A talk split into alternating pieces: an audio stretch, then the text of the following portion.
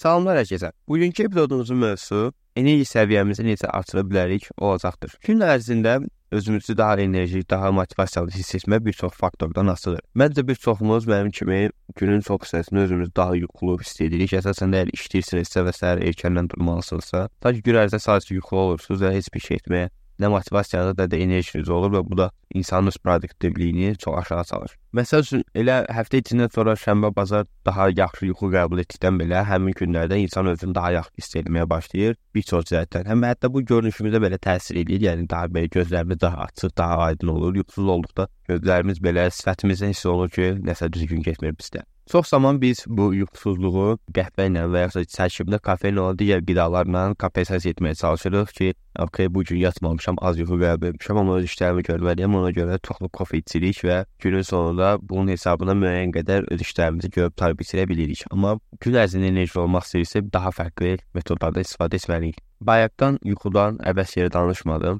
Sözsüz ki, əgər enerji olmaq istəyirsinizsə, ən əsas faktor əlbəttə ki, yuxudur. Artıq bunu hər birimiz bilirik, yəni 7-8 saat yatmaq mütləq hər birimiz üçün. Bu rəqəm əlbəttə ki, dəyişə bilər, amma minimum və referans olunan rəqəmlər budur 7-8 saat yatmalıyıq ki, gün ərzində sonradan özümüzü daha yaxşı hiss edə bilək. Bunun bir çox səbəbi var. Onsuz yuxu ilə bağlı podkastlarımız var. Həmçinin bütün sağlamlıq videolarını onsuz yuxudan danışıram. Çünki yuxu bizim təxmin etdiyimizdən qat-qat daha vacibdir bizim üçün. Yuxu bir növ bizim bədənimizin özünü yenidən bərpa etməsi üçün vacibdir. Biz gün ərzində onu yüklənir, yüklənir, yoxsa yatanda artıq bütün sistemi yenidən bir növ reboot edir və hər bir komponenti öz yerinə qoyur ki, biz yenidən bir günə normal daha da yaxşı başlaya bilək. Əgər biz bu müddəti qısalsaq, bir növ o öz işini yarımçıq qoyur və biz yenidən oyanırıq və yenidən ona yüklüyürük və bu periodik davam etdikdə artıq uzun müddətdə biz daha da pis olmağa doğru gedirik və bu daha fərqli problemlərə gətirib çıxarda bilər. Bu depressiya ola bilər, gün ərzində heç bir şey etməmək ola bilər, heç bir şey etmədən özümüzü yorğun hiss etmək ola bilər və s. Ona görə mütləq qəbul etməyimizə fikir verməliyik. Ən azı 7-8 saat. Burada ən az deyirəm,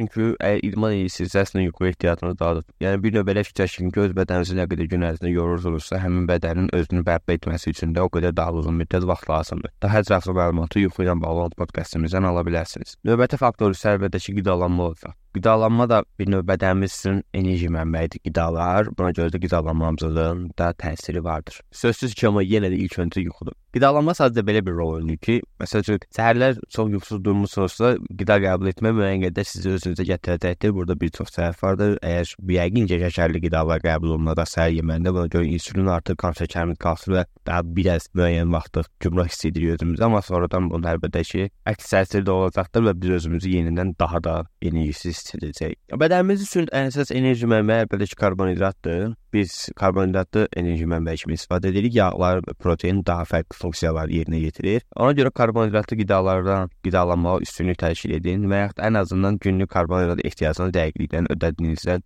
əmin olun. Bununla bağlı da podkastımız var. Hər üç makro qida ilə bağlı karbonhidrat, yağ və protein həmin podkastı keçib daha ətraflı məlumat ala bilərsiniz. Növbəti faktor isə stress olacaqdır. Burada belədir ki, stress əsas Problem ondadır ki, stresin uzun müddətli olmağı. Məsəl üçün, yəni siz həftələrlə işə görə stres yaşayırsınız, artıq bu bir nöqtədə sizin gündəlik həyatınıza daha da çox təsir edəcək. Yəni bir iki gün stres çox bir şeylə deyil, amma uzun müddətli xronik olaraq stres içindəsinizsə və yüksək stres içindəsinizsə, bu böyük ehtimalla yuxunuza da təsir edəcəkdir. Yuxu müddətinizi azaldacaqdır, yuxunuzun keyfiyyətini azaldacaqdır. Ən əsas sonsuz yuxuda keyfiyyətdir və bu tip şeylərə görə dolayı yoldan və ya da birbaşa yoldan sizin gündəlik enerjinizə pis təsir göstərəcək və özünüzü daha yorğun hiss edəcəksiniz. Su, sudan danışmasaq olmaz. Yəni su həyatdır. Su hər zaman demək olar ki, bütün podkastlarda var bölümlərimizdə. Çünki su vacibdir. Yəni hər bir şeydə rol oynayır. Su ilə bağlı da özümüz ayrıca podkast var. Onu da keçib qulaq asa bilərsiniz. Su vacibdir çünki beynimiz sudan çox istifadə edir. Əsasən də özünü yenidən refresh etmək üçün, özünü soyutmaq üçün sudan istifadə edir. Ona görə də məsələn başınız ağrıyanda mütləq su için. Bir sərin su müəyyən qədər bu baş ağrınıza keçəcəkdir. Günəş işığı bu çox vacibdir. Burada bir çox faktor var. Çünki günəş elə ki biz çox vaxt ofislərdə oluruq və yaxud da qollu paltarlar geyinirik. Yəni bədənimizin günəş nəsli təması çox az. Günəş işığı həmçinin bütün D vitamini olaraq da bədənimizdə ifraz olunmasında və yaranmasında böyük rol oynayır və bizdə əslində dünyada ən çox əksiklik tapılan vitaminlər D vitaminidir. Buna görə mütləq gün işığı qəbul etməyə çalışın. 30 dəqiqəlik gün ərzində günə çıxmağa çalışın. Məsəl üçün işlərdə abed əyişirsə, abed vaxtı hava günəşli isə çıxa bilərsiniz bir gəzintiyə, amma çalışın ki, ən azından günəşin bədəninizə olan təsiri, yəni təması yüksək olsun. Mümkünsə qısa qol baltaciyinin sözü ki, havadan da asılıdır. Amma yəni, əgər bütün qollu baltaciyinin güləşə çıxırsınızsa, yəqin güləş sadəcə üz-üzə vura biləcək və bu da çox kiçik bir sahədir deyə o qədər də bir effekt ala bilməyəcək. Əgər vəziyyətiniz beləsə mütləq və mütləq ən azı yay fəslin çıxma şərtinə digər 3 fəsillərdə D vitaminini dərman olaraq, yəni qida vəsə olaraq qəbul etməyə çalışın. Çünki D vitamini də bir çox şeydə çox böyük rol oynayır. Sözsüz ki, idmandan danışmasaq olmaz. İdman elə bir şeydir ki, burada çox qəribə bir paradoks var. Əgər siz daha enerjili olmaq istəyirsinizsə, daha çox enerji sərf etməlisiniz. Yəni idman eləmək əslində bizi daha yorğun yox, yəni idmandan sonra sözsüz ki, bir yorğunluq çökür bədənə, amma uzun müddətdə baxdıqda idman etmək bizi daha yorğun yox, daha enerjili edir əslində. Ona görə mütləq gün ərzində minimum 30 dəqiqədir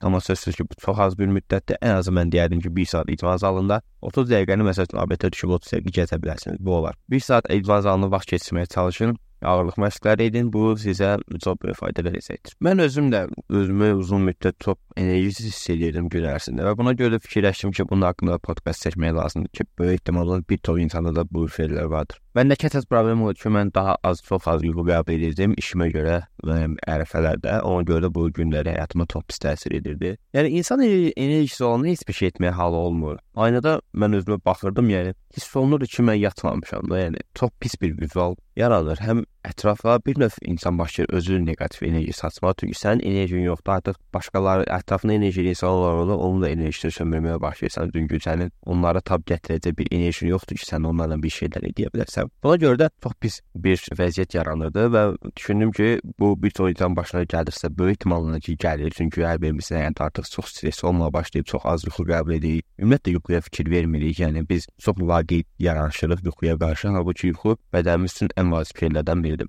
E, digər faktorlar da onsuz var idi. Onlar da hər üçün vasitə, amma yuxuya çox böyük önəm vermək lazımdır. Dediyim kimi, yəni mən düşündüm ki, böyük ehtimalla hər kəsdə belə bir e, problemlər var. Ona görə bunun haqqında mütləq podkast yaratmaq lazımdır ki, biz nə qədər enerjik olsaq, nə qədər pozitiv olsaq, ətrafa da həmin o enerji satacağımız üçün daha yaxşı bir cəmiyyətə, daha yaxşı bir bəşəriyyətə sahib ola bilərik. Sonda danışdıqlarımı yekunlaşdırsam, əgər gün ərzində daha yaxşı, daha enerjili olmaq istəyirsinizsə, mütləq kifayət qədər yuxu qəbul edin, sağlam bir pəhrizə sahib olun, müntəzəm olaraq məşq edin Həyatınızdakı stressi idarə etməyə çalışın. Mütləq və mütləq ehtiyac duyduğunuz qədər su qəbul edin. Günəşə məruz qalmağa çalışın. Günəş şüalarının bədəninizə təmas etməsinə şərait yaradın. Gün ərzində hərəkət edin.